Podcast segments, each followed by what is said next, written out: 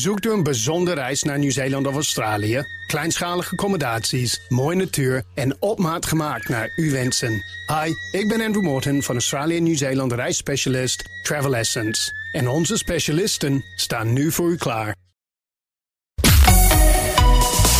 BNR Nieuwsradio. Boekenstein en de Wijk. Hugo Rijksma. Na de overwinning van de Taliban. Het is heel gênant. Ja. Uh, meer dan spijtig. Een nieuwe regering voor Afghanistan. Het wordt hoog tijd voor het land dat er een nieuw kabinet komt. Maar wie gaat daarin deelnemen? Met wie, met wie het verstandig is om aan tafel te gaan. Wordt het een brede coalitie of een minderheidsregime? Hun gevoelens, zal ik maar zeggen, dat moet u echt aan uh, hun vragen. En gaan we daarmee praten? Dus wij zullen absoluut de hand uitsteken. Wat doet de oppositie van IS of krijgsheer Massoud? Voor het lot van de Afghaanse bevolking. Als deze tijd iets nodig heeft, ja. dan is het wel optimisme. Dat en meer in Afghanistan, de kabinetsformatie. Het is nieuw, het is spannend. Bij Boekenstein en de Wijk. Het zou heel heilzaam kunnen zijn. Op zoek naar de nieuwe wereldorde.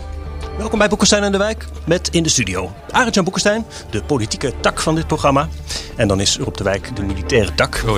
De gast is Joris Verteeg, Afghanistan-analyst, voorheen voor het ministerie van Defensie en nu bij de NGO Talk for Peace. Welkom. Je kan veel zeggen van de Taliban, maar formeren, dat, eh, dat gaat ze goed af, uh, lijkt het. Hè? Want ze zeggen uh, nu al bijna een regering te hebben. Ja, dat zeggen ze. Dat zeggen ze al 2,5 week uh, overigens. Nou ja. we moeten het gaan zien.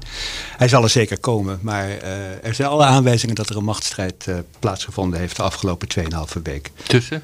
En je moet de Taliban zo voorstellen als een organisatie ehm, met verschillende facties uit verschillende provincies, uh, verschillende commandanten, uh, militaire commandanten. En dan had je nog in Quetta, Pakistan, een deel van de rechtsgeleerden, de ulema, de geestelijke, uh, de juristen. Um, en die bepalen uiteindelijk het beleid.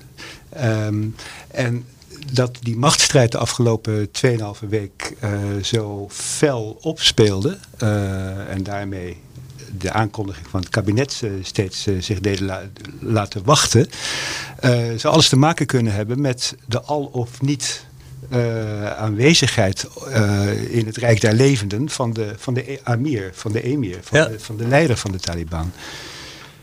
Daar hebben we al jaren niks over gehoord. Behalve dat die snel zal verschijnen. Maar er zijn geen levenstekenen van Ik de Ik zag zelf dat het niet eens duidelijk was of die uh, of die meneer... Uh, Haibitullah of zoiets? Haibitullah. Ja. of die wel of niet aanwezig zou zijn bij de bekendmaking van het kabinet. En misschien dat hij dat zou laten doen. Dat vond ik, een, dat vond ik wel een raar bericht hoor, moet ik eerlijk eh, zeggen. Ja, precies.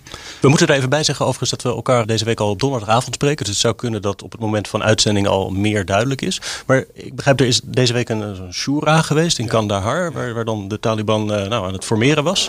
Zonder misschien het hele blik aan mullahs open te trekken. Wat zijn naast die Haibaitullah de, de voornaamste figuren dan in die machtsstrijd binnen de Taliban? Uh, de belangrijkste zijn uh, de familie Haqqani. Die komen uit het oosten van het land. Uh, die zaten in Pakistan en die hebben hun basis in een oostelijke stam in het land.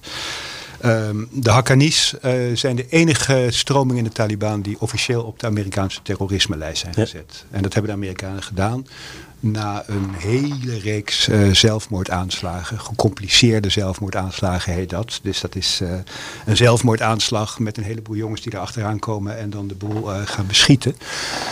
En dat hebben ze gedaan in de groene zone van Kabul, op, vlak bij de Duitse ambassade. Ze hm. hebben de Indiaanse ambassade een jaar of tien geleden te grazen genomen. ze hebben een paar weken geleden nog het huis van de minister van Defensie opgeblazen. De man was buiten, buiten huis.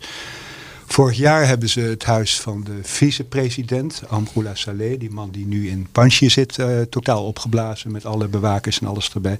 Nou ja, goed. Dat is niet de gematigde tak dus? Nee, um... dat is bepaald niet de gematigde tak. En um, die zijn op volle sterkte met hun uh, strijdkrachten in uh, Kabul beland afgelopen weken. Um, en die hebben een deel van het, die hebben het paleis, het presidentiële paleis, de ARG, hebben ze uh, militair bezet. En een belangrijk deel van het vliegveld. En dat is en ook een, een, soort voorloper op de formatie dat ze alvast uh, Precies. daar gaan zitten. Ja, precies. En ehm, die strijdkracht, dat noemen ze het Badr-bataljon. Maar Joris, dat zijn toch dezelfde mensen hè? die op dit ogenblik die uh, gematigde taal uitslaan. Wat moeten we daar dan van denken? Kijk, de Taliban zijn erg goed in diplomatie uh, geweest. Dat, is, uh, dat hebben ze ontwikkeld in de loop der tijden. Uh, ze zijn in 2018 gaan praten met de Amerikanen, met Khalilzad. En wat Ghalilzad geprobeerd heeft. Kijk, Ghalilzad had de opdracht van Trump meegekregen en Pompeo destijds. Uh, wij willen uh, zo snel mogelijk weg uit Afghanistan. Maar we willen dat zonder uh, gezichtsverlies doen. Um, dus met een interne Afghaanse vrede. Ghalilzad, ga jij praten met de Taliban. en probeer de Taliban te verzoenen met de huidige Afghaanse, met de toen, toenmalige Afghaanse regering. Of in ieder geval Af, Afghanen daaromheen. Het is duidelijk dat de Taliban was wel militair succesvol, maar um, vertegenwoordigt toch maar een kleine minderheid van de Afghaanse bevolking. Ik bedoel, er zijn geen verkiezingen geweest. Er zijn ja. opiniepeilingen, zijn een heel problematisch uh, medium in Afghanistan. Maar by and large kan je zeggen dat de Taliban absoluut niet steunt op een meerderheid van de bevolking. Nee. Ik denk dat de overgrote, of dat weet ik wel zeker, de overgrote meerderheid van de Afghanen die wilde vrede. En de Afghanen hebben daarop ingezet. Dat lijkt eigenlijk heel erg op wat de Bolsheviki ooit in Rusland hebben gedaan. Brood en vrede. Dat is in een oorlog voor een bevolking die uitgemergeld is en, en, en onder die oorlog te lijden heeft, is dat de leus waarmee je de mensen verenigt. Een van de, van de mooie beloftes uh, die de Taliban hebben gedaan, naast uh, nou ja, tot en met vrouwenrechten aan toe, hè, of althans hun variant daarvan, is ook dat ze hebben gezegd een regering te willen formeren met alle stammen en etniciteiten daarin vertegenwoordigd. Uh, heb je daar hoop op? Nee, uh, ze zullen ongetwijfeld een aantal mensen, uh, daar praten ze ook mee de afgelopen weken, uit uh, verschillende stammen. De Karzai onder meer, hè? Ja, ze hebben met Karzai gesproken. Maar ik verwacht eerlijk gezegd dat er helemaal geen grote brede regering komt, maar een pure Taliban-regering met wat mensen eraan uit Shiïtische hoek, uit etnisch Oezbeekse en, en andere. Maar het feit blijft dat het leiderschap van de Taliban uh, komt uit een aantal zuidelijke en een oostelijke stam. En um, niet uit de andere drie grote uh, etnische groepen van het land. Hm. De Taliban heeft daar wel aanhang, maar um, die zitten niet in het leiderschap.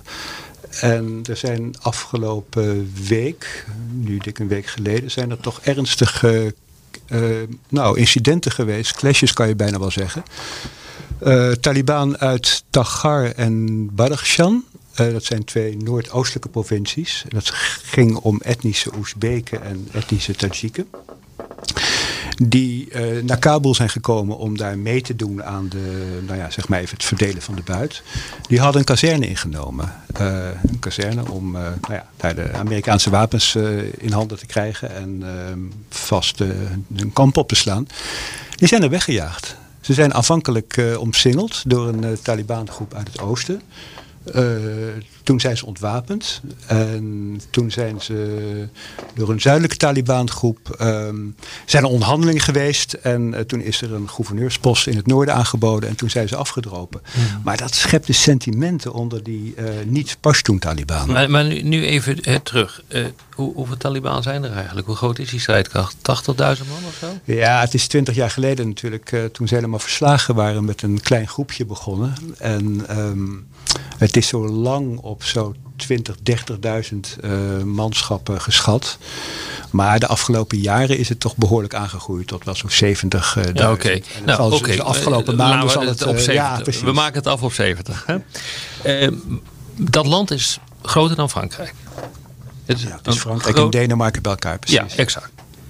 Dan verdampt 70.000 Taliban toch gewoon in zo'n land. Daar kun je een land niet mee onder controle krijgen. Dan is het toch vrij logisch dat je zal proberen om op een of andere manier toch de hearts en minds, de, de, de steun van, van die bevolking te winnen. Want anders, anders word je uiteindelijk word je weggevaagd. Ik zag ook berichten dat een aantal van die, van die oppositieleiders. Eh, dat die zich nu aan het verenigen zijn. En zeggen, ja, maar dit willen we niet. Dus uh, laten we gaan optreden tegen, uh, tegen de Taliban, militair. Hoe kijk je daar nou tegenaan? Ik denk dat de Taliban fundamenteel niet in staat zullen zijn om dat land, om daar langdurige stabiliteit te creëren. Ik hoorde van de week uh, premier Rutte en uh, minister Kaag op de radio zeggen dat ehm, ze streven naar stabiliteit in Afghanistan. Met de gedachte dat daar geen vluchtelingen meer uh, uit zullen gaan uitkomen naar, naar Europa. Begrijpelijk, maar we moeten geen illusie hebben dat de Taliban daar een duurzame vrede kan gaan. Uh, maar waarom niet? Omdat ze te weinig mensen hebben of omdat ze het niet willen? Omdat ze het niet kunnen. Uh, omdat ze te veel gevangen zijn in hun eigen benauwde Taliban uh, Pashtun-ideologie. Met de nadruk op het eerste. Pashtun is een niet onbelangrijke factor, maar is toch een secundaire kwestie. Uh, en dat werkt niet in Afghanistan op termijn. Omdat het een buitengewoon heterogeen, pluriform, het is een mozaïek van uh, etnische groepen van twee belangrijke richtingen, verschillende richtingen in de islam, van meerdere talen. En als je daar uh, geen wortel onder hebt en mensen recruteert mm. die um, echte verantwoordelijkheid hebben, dan gaat je dat niet lukken. En daar komt bij dat de Taliban in de traditie staan van Pashto-regeerders om een, een centralistisch bestuur te gaan vormen. En dat zal dus helemaal niet werken. Dus een, ik noem een voorbeeld. Uh, Panjshir, uh, daar gaat het nu eigenlijk om. Dat is de enige provincie uh, die zich niet heeft onderworpen aan de Taliban. heeft onderhandeld. die onderhandelingen die zijn mislukt in die zin dat Ahmad Massoud, de, de, de jonge leider in Panjshir, de zoon van zijn vader, die heeft echte pluriformiteit geëist en, en, en deelname aan de regering en dergelijke. Dus een, een gedeelde regering. Eigenlijk wat uh, Ghalilzad drie jaar geleden in Qatar uh, ja. van de Taliban te vergeefs heeft ja. geprobeerd te krijgen. Nou, niet, is niet gelukt. Uh, wie heeft de Taliban? Vandaag heeft de Taliban een, een uh, bekendgemaakt een, een, gouverneur voor Panjshir te uh, benoemen. Geen Panjshiri of een, zelfs niet een etnische Tajik die iets zou kunnen betekenen in dat Tajikse gebied, het dal. Maar een hardline Taliban Pashtun, meneer Mullah Mutaki, die uh, de oorlog heeft verklaard gisteren aan Panjshir. Dus dit is één voorbeeld, en dat is natuurlijk het meest pregnante nu, Panjshir. Maar zo zullen er meerdere komen. Er zullen dus gebieden in, de, in het centrale bergland onder de Hazara, de Shiïtische minderheid, die zullen dit ook niet gaan pikken. BNR Nieuwsradio. Boekenstein en de Wijk. Op zoek naar de nieuwe wereldorde. Dit is Boekenstein en de Wijk. En dat programma is natuurlijk niet zonder Arjan Boekenstein en Rob de Wijk. Mijn naam is Hugo Reitsma en onze gast is Afghanistan-analyst Joris Versteeg. We praten over het nieuwe Taliban-bewind in Afghanistan. En ik wil even de blik verleggen naar uh, de, de, politieke tak van, uh, van ons programma. Arjan. Ik wil, als het van je mag, toch nog even ingaan op het vorige. Tuurlijk. Um, uh, Rob legde uit hè, van uh, ze gaan dat niet redden in dat land. En jij steunt eigenlijk dat pessimisme. Hè? Hoe, als je nou de vraag... Nou, behalve ja. als je dus echt die hearts en minds weet te winnen. Exact. Maar wat, uh, wat Joris net heeft gezegd is dat ze dat in ieder geval in de Banshee niet gedaan hebben. Exact. Wat te doen. En mijn vraag aan jou is nu dit om het inzichtelijk te maken. Stel je nou eens voor dat de Taliban niet zo rigide was. Hè? Wat zou nou Stel voor dat ze flexibel waren en pragmatisch en slim. Wat hadden ze dan moeten doen? Ik heb een idee. Het eerste is, ze moeten tegen Pakistan zeggen, waarbij de Haqqani natuurlijk heel close zijn van, wij gaan geen Pashtunistan maken. Nee, dat gaat niet gebeuren. Dan is Pakistan is tevreden. Ze moeten tegen de Hazaren zeggen van, luister, we hebben de Turken nu toegestaan om op die vliegveld te zitten. En dat betekent dat we dus ook met jullie, de Hazaren moeten op een of andere manier betrokken worden bij de regering. Of je het nou leuk vindt of niet. En bij de Pantsjeverlei had natuurlijk precies datgene wat ze niet hebben gedaan, hadden ze natuurlijk wel moeten doen. Ze hadden die jongens moeten paaien en in de regering moeten zetten. En al die fouten hebben ze gemaakt en daarom ben je zo pessimistisch. Hè? Maar luister eens, er kan ook een moment komen van pragmatisme doordat ze zelf ook zien dat ze het gewoon niet gaan redden? Of zeg je van, deze jongens zijn zo ideologisch, dat kunnen ze gewoon niet opbrengen? Nee, er zijn ook uh, gematigder stromingen. Ik zeg niet gematigde, maar met een R erachter. Mullah Bradar bijvoorbeeld, dat is dus de hoofdonderhandelaar geweest in Qatar de afgelopen ja. jaren met de Amerikanen. Dat is een wat pragmatischer man. En uh, ik denk ook niet dat ze gek zijn. Ze weten donders goed dat Afghanistan, uh, dat is over het niks nieuws, die moet zijn hand ophouden. Uh, het bruto nationaal product is voor iets van 80% afhankelijk van ja, donorgeld. Ja. ja. En, en, daar kunnen ze natuurlijk ook een zekere chantagepolitiek ja. mee spelen. neem de gezondheidszorg, die is feitelijk afhankelijk van het buitenland. Ja. Ehm, er zijn alle eh, tekenen die erop wijzen dat er een, ehm, een droogte. Nee, er is een droogte geweest. Er zijn alle tekenen dat er een hongersnood gaat komen. Ja, de voedselprijzen lopen hard omhoog. De voedselprijzen lopen op, de kas is leeg. Dus de Taliban die zal met. Twee weken er nog zal geld. iemand zal de rekening moeten gaan betalen. Maar de onderhandelingen die ze met de Amerikanen hebben gehad in Qatar de afgelopen drie jaar, die impliceerden natuurlijk al eh, een deal met eh, het, een, een- bredere vertegenwoordiging van de Afghaanse bevolking, waar aan gekoppeld zou zijn een, een, een financiële stroom hè, om die rekeningen te betalen. Dat hebben ze geweigerd. Dat hebben ze heel slim gespeeld eh, vanuit eh Taliban-perspectief. Maar daarmee hebben ze dus ook gegokt met de belangen van de Afghaanse bevolking. Hoe rustig is het op dit ogenblik in, eh, in Afghanistan? We krijgen niet de indruk dat er nou grootschalig eh, gevochten wordt. Nee, Misschien in de absoluut Panjshir. In eh, Panjshir wordt op een paar plekken gevochten. Daar is dus de hardliners hebben daar hun zin gekregen. Eh, en verder zijn er vandaag demonstratie van vrouwen van de universiteit in Ja. Nederland geweest. Ja. Ehm, ja, dat zullen ze misschien vervelend vinden, maar daar kan je toch eh, ook een emi- emiraat mee runnen. Dus nee, dat, dat, dat, voor- het is rustig over het algemeen. En natuurlijk is het ook de rust van. eh, Maar weet je, dat is natuurlijk het hele punt. Als het rustig blijft en ze gedragen zich een beetje, dan heeft Biden bij nader inzien een grote overwinning geboekt.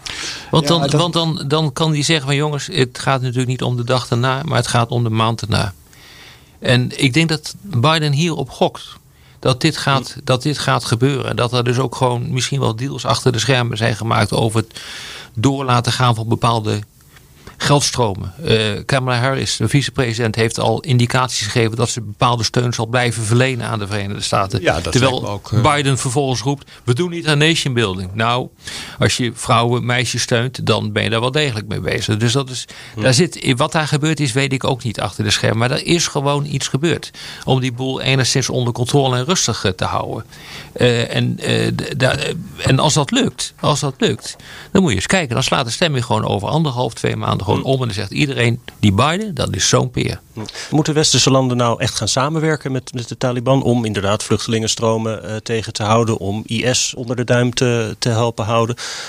Of eh, wordt het daar weer een burgeroorlog en, en moet, moeten we dan de oppositie, of we, hè, hoor mij nou, hè, moet dan de oppositie worden gesteund in, in de Panjshirvallei en elders in het noorden? Nou, ik denk, ik denk eigenlijk beide. Eh, kijk, de realiteit is domweg dat de Taliban het overgrote deel van het land de macht heeft. Dus daar moet je mee samenwerken. En ik vind ook dat het Westen, na alles wat er gebeurd is, een verplichting heeft. Eh, ik bedoel, de Verenigde Staten is wel een zeer belangrijke mate verantwoordelijk voor de huidige puinzooi. Eh, eigenlijk de slechtst mogelijke uitkomst, kan je zeggen. Eh, en gezien een komende hongernnood, hongersnood, eh, gewoon de gezondheidszorg, die zal zo goed als kwaad eh, toch enigszins in stand moeten worden gehouden. Heb je verplichtingen aan. Dus moet je met de Taliban samenwerken. Dat is nog iets anders dan je kaarten zetten op een stabiliteit eh, in Afghanistan onder leiding van de Taliban, die onvermijdelijk met terreur gepaard zal gaan. En ik vind dus dat we een open oog moeten houden voor de oppositie die er is en, en ongetwijfeld verder zal komen. Eh, dus ook het eh, contact te houden met Panjshir. Maar je hebt wel behoorlijke pressiemiddelen hoor, in de richting van de Taliban. Hè? Die hongersnood zit eraan te komen. Eh, over twee weken hebben ze geen cash meer. Dat is allemaal heel vervelend hoor. Ik begrijp ook dat die NGO's die door het Westen worden gefinancierd, dat die in belangrijke mate nog gewoon hun werk kunnen doen. Dus je- ja, ik zit de Taliban hier niet te verdedigen, maar ik zit gewoon te kijken van hoe, hoe gaat dat nou? Heb je leverage? Heb je, ja, dat heb je. Ja, heb je en, gelijk? Dat heb je. En misschien heb je nog wel meer leverage dan met een paar duizend militairen in dat eh, land. Het, het- dat zou maar zo kunnen. Ik bedoel, we zijn allemaal zeer gechoqueerd van wat daar gebeurd is. En dat is ook heel ernstig. En eh, meteen is de hele relatie ook met tussen Amerika en Europa weer onder druk komen te staan. Maar ik bedoel, het spel, het spel gaat gewoon door. Ja. En het hangt er maar net vanaf wat die Taliban gaan doen. En ik ben daar niet waar. zeker van wat daar Dat gaat gebeuren. En we hebben natuurlijk in het eerste Emiraat hebben we toch eh, gezien dat eh, dezelfde meneer Khalilzad, waar we het over gehad hebben de afgelopen drie jaar in Qatar. eh, die heeft met de Taliban gedeeld in Texas als vertegenwoordiger of als trade union met Unocal, een, een Texaans ehm, eh, oliebedrijf. Er ligt namelijk nog steeds een belangrijk gas. ehm, pijpleiding van Turkmenistan via Afghanistan en Pakistan naar India eh, op de plank. En die kon nooit, uh, die is in principe al helemaal gefinancierd door, uh, door, de, uh, door een Aziatische bank. Maar om veiligheidsredenen, die ging dwars door het Taliban-gebied. Die kan je alleen maar maken met Taliban-jongens die zo'n pijpleiding bewaken. Ja. En die meneer Ghalizat die heeft dus een, een record, uh, niet alleen als diplomaat, maar ook als olie- en gasboer. Uh, die heeft in Koerdistan, toen hij ambassadeur in Bagdad was, heeft hij ook allemaal oliebelangen. Exact. En ik suggereer, ik suggereer nu wel wat. Ik heb geen enkel aanwijzing dat uh, de geheime afspraken tussen hem en de Taliban zijn gemaakt over... maar het zou kunnen. Maar het zou kunnen. Het zou, kunnen. Het zou ons niet hoeven te verbazen. de vraag is of ze iets geleerd hebben in die 20 jaar. Hè? Ja. Ik herinner me nog dat eind 2001 of 2002 was, begin 2002 was dat ik in dat roemruchte stadion was in Kabul. Waar die executies uh, werden uh, uitgevoerd. Uh, in, laten we zeggen, de pauze van een voetbalwedstrijd. ik vond, dat is een van de meest ingrijpende beelden die ik nog voor me heb. Omdat dat vlak daarvoor dat ik daar was nog gebeurde. Ik vond dat ja. echt, ik, vond, ik ben, ben niet zo snel onder maar ik vond dat wel heel erg verschrikkelijk. Ja. En de vrouw, maar Joris, ja. dat soort dingen, hebben ze daarvan geleerd dat het misschien niet zo handig is om dat nog weer een keer te gaan doen? Ik weet het niet. Um, kijk, er is nog geen regering en er is nog geen uh, formele policy. Um, maar we hebben de afgelopen paar weken, sinds 15 augustus, talloze video's uh, komen er binnen, eigenlijk dagelijks, van uh, handafhakkingen. Ik heb mm. een executie gezien, mm. ik heb een walgelijke ondervraging gezien. Uh, ik heb een vrouw die is gefusilleerd. Die was uh, bij het ministerie van Vrouwenzaken in een provincie. Kijk, dat zijn plaatselijke afrekeningen. Uh, en dat gaat ook vaak om mannen van de uh, Amaniat, de, de, veiligheidsdienst, die echt wel iets op hun geweten zullen hebben. Mm -hmm. uh, en die hebben dus, ja, badal, dat is wraak, betekent het in het Pashtoen. dat speelt natuurlijk. De vraag is hoe een regering daarmee omgaat. Of ze daar een, een, een, een, een, een, een ogen voor zullen afwenden. en of ze die onder controle hebben. Of ze dat gaan onder controle gaan krijgen. Dat is niet zo. Dat, dat weet ik dus niet. Ik heb geen idee in hoeverre die centrale Taliban, om het maar zo te zeggen, het voetvolk in de provincie onder controle heeft. Geen... Nou ja, dat zal in, de, in hun zal... heartland zal dat veel duidelijker zijn dan in gebieden waar ze uh, niet van nature een achterban hebben. Zoals in het Hazarajat onder Oezbek en, en Tajik in het noorden in veel mindere mate. Dus dat zijn ook veel eerder in de eerste, uh, daar denk je in de eerste plaats aan. En die gebieden, uh, dat daar opstanden kunnen komen. Of in ieder geval verzet. Het hoeft niet direct een gewapende opstand te zijn. Maar uh, een ander iets is. Uh, om de, de, de, manier van strijden van de Taliban, dat is, ze hebben geen staand leger. Ze gaan dus gewoon met een aantal jongens met pick-ups, met Toyota's, gaan ze naar, de, naar zo'n Panjshir toe.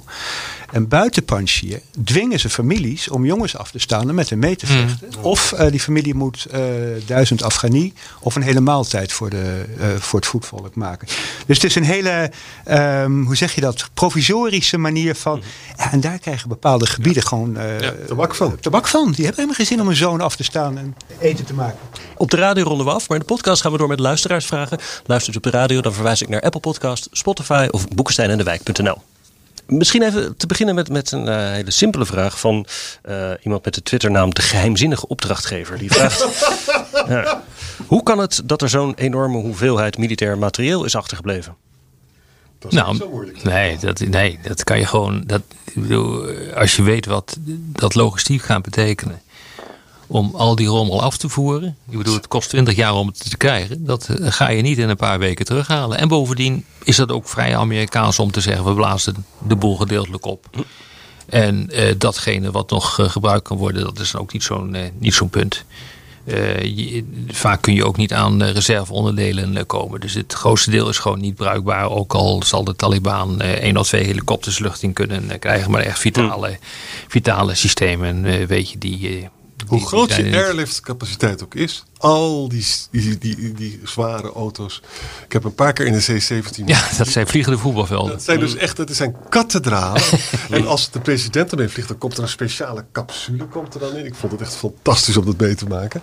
Maar dat is allemaal nog te klein om al die honderden... Ja, het kan wel, maar je doet er twintig jaar over ja. om het te brengen. Dus ja. je doet er misschien drie jaar over om het allemaal weer terug te halen. Maar ze hebben dus leuke spulletjes, de Taliban. Nou ja, maar je ja, moet... Maar het is niet ja, je kunt er meest geavanceerde. Nee. Bijvoorbeeld die Ze hebben Black Hawks, maar die waren eh, niet voorzien van de meest, nou ja, Nee. de dingen die Nederland zal hebben, denk ik. Die lasje op.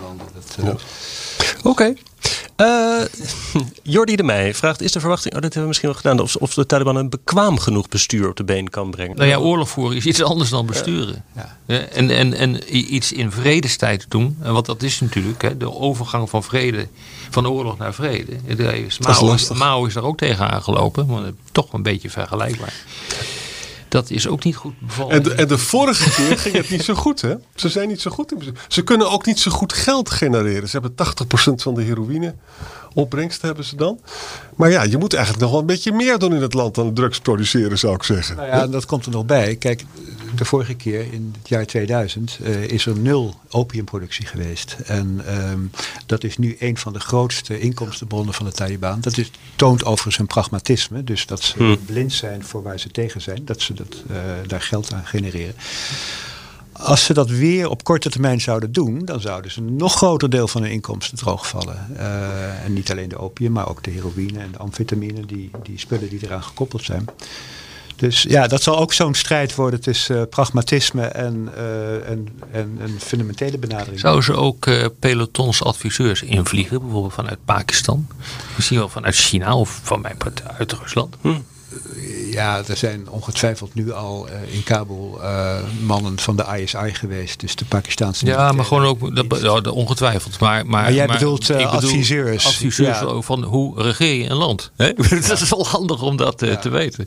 Want die kennis is natuurlijk ook een beetje weggezakt eh, van de Taliban. eh, Twintig jaar geleden werden ze uit zaal al... eh, Ja, hoewel ze wel bepaalde lessen hebben geleerd natuurlijk. Ik denk het allerbelangrijkste verschil met 25 jaar geleden is hun mediageniekheid. Ze maken nu dus, waar 25 jaar geleden, film, televisie, inter- f- eh, internet kwam toen net op, eh, fotografie, radicaal verboden waren. Je zag die celluloid strips uit de bomen in Kabul hangen. Eh maken ze nu volop gebruik van, van Twitter, van eh, Facebook, van alles en zo. Dus daar zijn ze goed in. Precies, dat, eh, in die zin zijn ze echt met hun tijd meegegaan en maken ze er gebruik van. Christian de Vries vraagt: eh, De voornaamste interesses van de Taliban liggen bij en in Afghanistan. Toch ben ik benieuwd hoe hun buitenlandbeleid eruit zou kunnen zien. Welke rol gaat het spelen in de regio? Wordt het een pion tussen Iran en Saudi-Arabië, tussen Pakistan en India? Nou, de Taliban heeft ehm, op zich is het geen nationalistische club. En dat is precies wat Pakistan altijd wilde. Pakistan die is tegen het Afghaanse nationalisme geweest. Want het Afghaanse, of het Pashto-nationalisme beter gezegd, was uit op een groot Pashtunistan. Dus een deel van Pakistan. eh, en op kaarten was dat inclusief Karachi, de, de, de kust eh, aan de eh, Arabische Zee. Dat moeten ze niet hebben. Dus Pakistan die eh, heeft altijd eh, een islamisme eh, en een, een eh, gegeven, gepropageerd in Afghanistan. En ehm, eh, ze, ze hebben dus nauwe banden met Pakistan. Maar ze zijn ook weer geen pionnen van Pakistan. Het zijn ook eigenwijze Afghaanse Pashtun die eh, ook een trots hebben.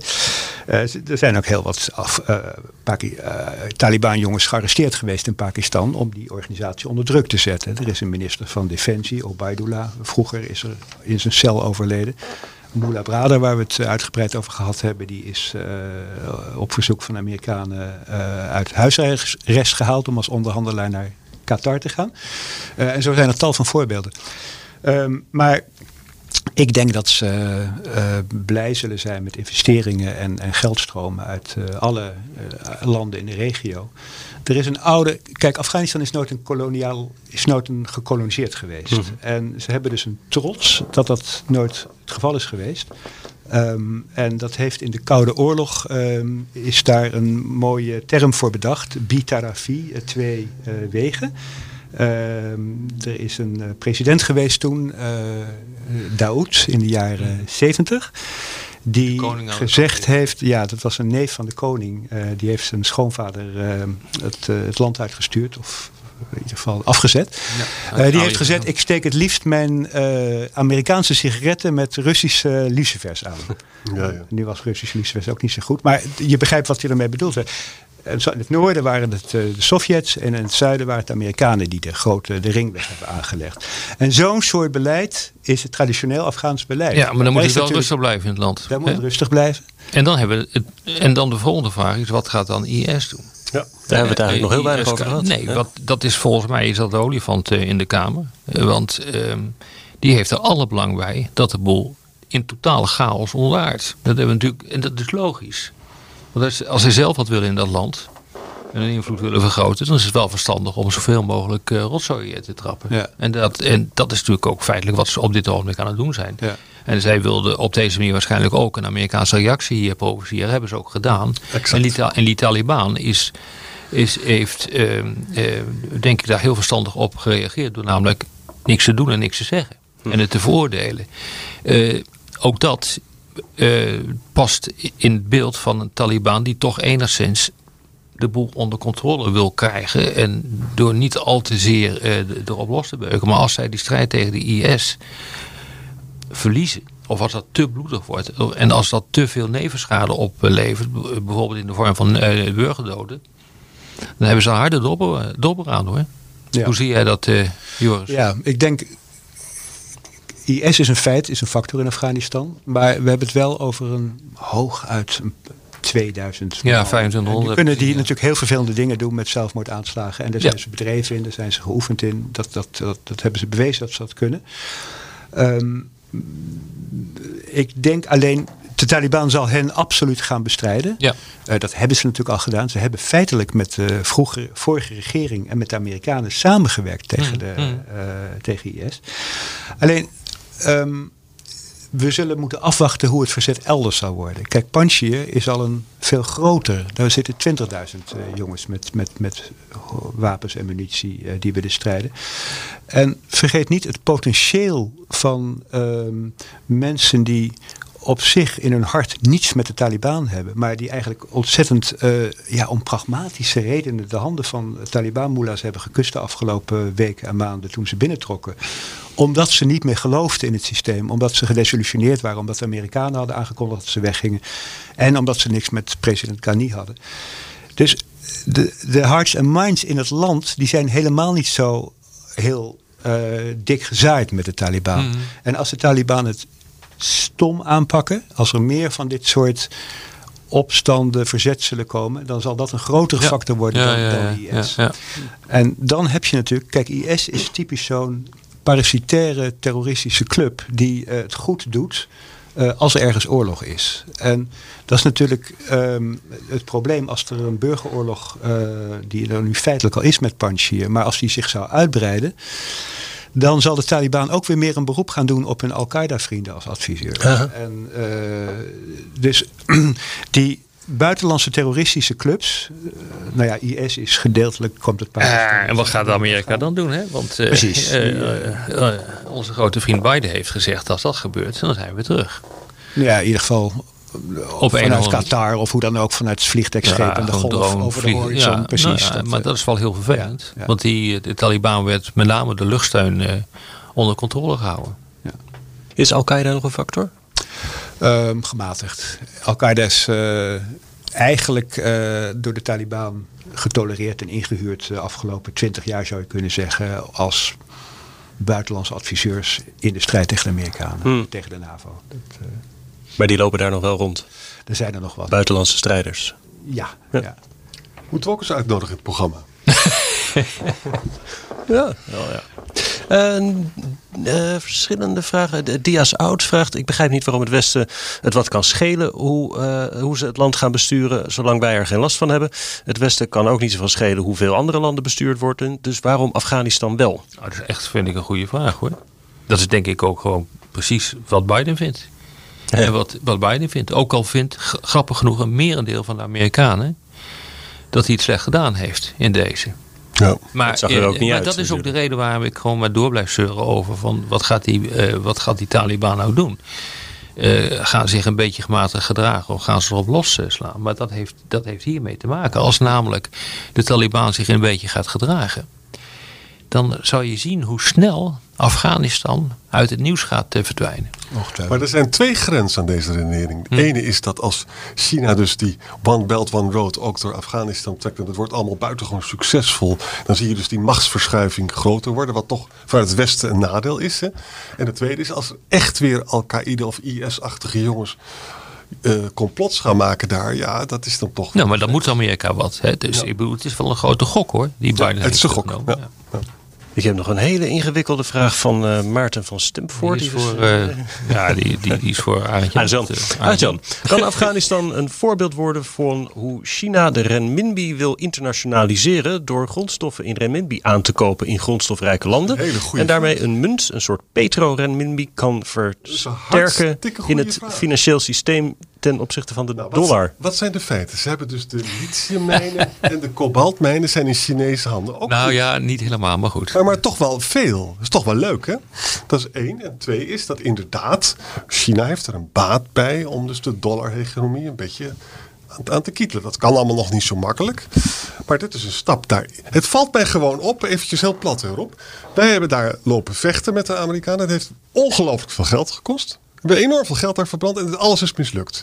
Wat doen de Chinezen? De Chinezen doen een beetje mee. Met, en die zitten daar dan ook met troepen, maar die vechten eigenlijk niet. En die hebben nou gewoon de mijnen. Nou, zoveel hebben ze toch niet, Joris? Ze hebben nog geen enkele. Ze Nee. hebben er één gekocht. En, eh, En, die, en die moesten weer afstaan. Ja, en daar lagen Boeddha-beelden. Er ligt een Boeddha boeddhistische stad op, een archeologisch eh, site. Eh, dus dat is toch een heel groot ding om die even weg te rouwen voor wat koper. Oh. Ja, dat is het en het was in Taliban, handen van de Taliban. Dat was in het in het Oh, dus daar mochten Boeddha-beelden wel blijven bestaan. Ja. Nou, het zijn, ik, ik ben er geweest in dat gebied. Er staan inderdaad een paar stupa's zo in halve woestijn. En die hebben ze heel Maar- gelaten. Ja. eh, Gelukkig maar, want het is verschrikkelijk wat ze met die anderen hebben gedaan. Ja, maar, maar de uitgangspositie van de China om, met de grondstof is toch beter dan die, die van de ja, dat Amerikanen is, ook, dat is ook zo. En ze proberen dat natuurlijk ook gewoon te doen. Ja, en dus, dus er er is een intelligente vraagsteller. Die moeten we, moeten we eh, trots op zijn. Dank Maarten. Hoe belangrijk zijn die, die, die grondstoffen, eh, die, al, die, al die mooie delfstoffen in, in Afghanistan voor buitenlandse interesse in dat land? ja, geweldig. Ja? Officieel is het een van de rijkste landen ter wereld. Echt zonder enige overdrijven. Daar maak je Amerikaanse, accu van. Amerikaanse leger heeft er een opdracht gegeven om dat allemaal in kaart te brengen. Dat hebben ze keurig gedaan. En dat is half openbaar. Dus daar likkebaart eh, elke mine investor zich eh, bij af. Het probleem is alleen, eh, ja, om succesvol een mijn te kunnen exploiteren heb je twee dingen nodig. Infrastructuur en een geschoolde arbeidskrachten. Ja. Althans, voldoende geschoolde En een arbeidskrachten. hoop geld. En die zijn er niet. En, en, en wetten die jouw Precies. investeringen. Dat, kijk, daar zit het op vast. En dat was ook onder, onder president Ghani, heb ik begrepen, een van de grote problemen. Maar de succesvolste mijn-exploiteur de afgelopen jaren is, zijn de Taliban geweest. Die hebben dus in meerdere provincies hebben ze mijnen eh, geëxploiteerd. Of privéfiguren hebben dat gedaan, waarbij Hmm. de Taliban de winst afroomde. En dat exporteerde. Dat is eigenlijk al een, een oud model hoor. Dat is ook door Massoud in de Panjshir in de strijd tegen de Sovjets gedaan. Daar is eh Zemrud, hoe heet dat in het Nederlands, Smaragd. Eh, en die heeft dat ook eh, naar de wereldmarkt gebracht via Pakistan. Maar dat is de afgelopen jaren is dat meer geworden. Dus er zijn kolenmijnen en, en talk bijvoorbeeld. Dat wordt op vrij grote schaal geëxporteerd. Maar illegaal dus, buiten de staat om. Ja, ja. Eh, tot slot de vraag van R.S. Meijer. Die wil weten waarom gaat onze minister naar die regio? Is de Europese samenwerking niet sterk genoeg? Nou ja, dat vind ik een goede vraag. Ja, dat heb, heb ik mij ook eh, afgevraagd. Van waarom dat gewoon niet eh, door Borrell gebeurt. Ik snap het niet. Jij, Arjan? Nou ja, wat er dus gebeurd is, is dat helaas... eh Borrell is natuurlijk een, man met een hele moeilijke positie... binnen, binnen de, Europese Commissie en binnen de Raad. En lidstaten zijn nog steeds sterker. Eigenlijk, weet je wat ik zo jammer vind? Ik zou dus Europa, draag ik een warm hart toe. Ik zou dit ook willen zien als een... Daar komt het de slogan er weer, een wake-up call... dat we meer moeten doen samen. En ik ben bang, Job, dat ze, we hebben het dus, dat we dit weer niet gaan doen, hè? En het is zo jammer, want dit zou je natuurlijk heel goed kunnen gebruiken van jongens. We kunnen dus niet eens Ik snap samen. dat ook niet. Ik snap dat ook niet. Ik, of of je, je, je geeft eh, Macron de opdracht om dat eh, te regelen. Ik bedoel, je kunt van alles, eh, je kunt van alles bedenken. Ik, ik snap dat ook niet. Eigenlijk zijn wij decadent, we doen niks. Nou ja, ik, ja ik- het- is een fantastische vraag. Ja. En, en, en- dat brengt, brengt natuurlijk ook op het punt van... Hoe verstandig was het nou om al die, al die ambassades daar, terug, daar te sluiten in Kabul? Als het nu toch redelijk rustig is, waarom blijf je daar gewoon niet zitten? Nee, dat vraag ik me ook af. Dat, eh, dat was niet dus- nodig geweest. Want dan had je daar tenminste een aanwezigheid gehad. en dat je vervolgens daar nog een beetje zit te rommelen met de Taliban in Qatar. Ik het allemaal prima. Maar ik, ik, snap, dit, ik snap dit gewoon niet. En Kaag heeft net gezegd dat ze dus personeel terug gaat sturen. Ja. Dat ze hadden helemaal niet weggehoeven. Ja, dat volgens mij. Denk jij dat ze weg hadden gehoeven? Die, ik denk het niet. Nee, Nee, dat nee, dat, ik dus ook ik, bedoel, ik ben nou niet iemand die de Taliban overmatig vertrouwt. Maar ze hebben een deal met de Amerikanen gesloten. Dat is de essentie van de overeenkomst eh, En er van is geen Trump enkele en de reden Taliban om- eh, van vorig jaar. Wij vallen elkaar niet aan. Daar heeft de Taliban zich keurig aan gehouden. Ja. Er is geen Amerikaan Exact, omgekomen. exact, de eerste exact. die zijn omgekomen, dat was door die IS-zelfmoordaanslag. Dit was weer Boekenstein en de Wijk. Met Rob de Wijk een, een beetje in de rol van optimist. eh, hè? De- in, in, in dat de Taliban zich zou gedragen, Nieuwe- zoals jij dat zegt. Nou. Dames en heren, Boekenstein en Rob de Wijk zeg ik dank voor het luisteren. Speciale dank aan Joris Versteeg met de meer pessimistische blik. Beroepspessimist. Hmm. En tot volgende week.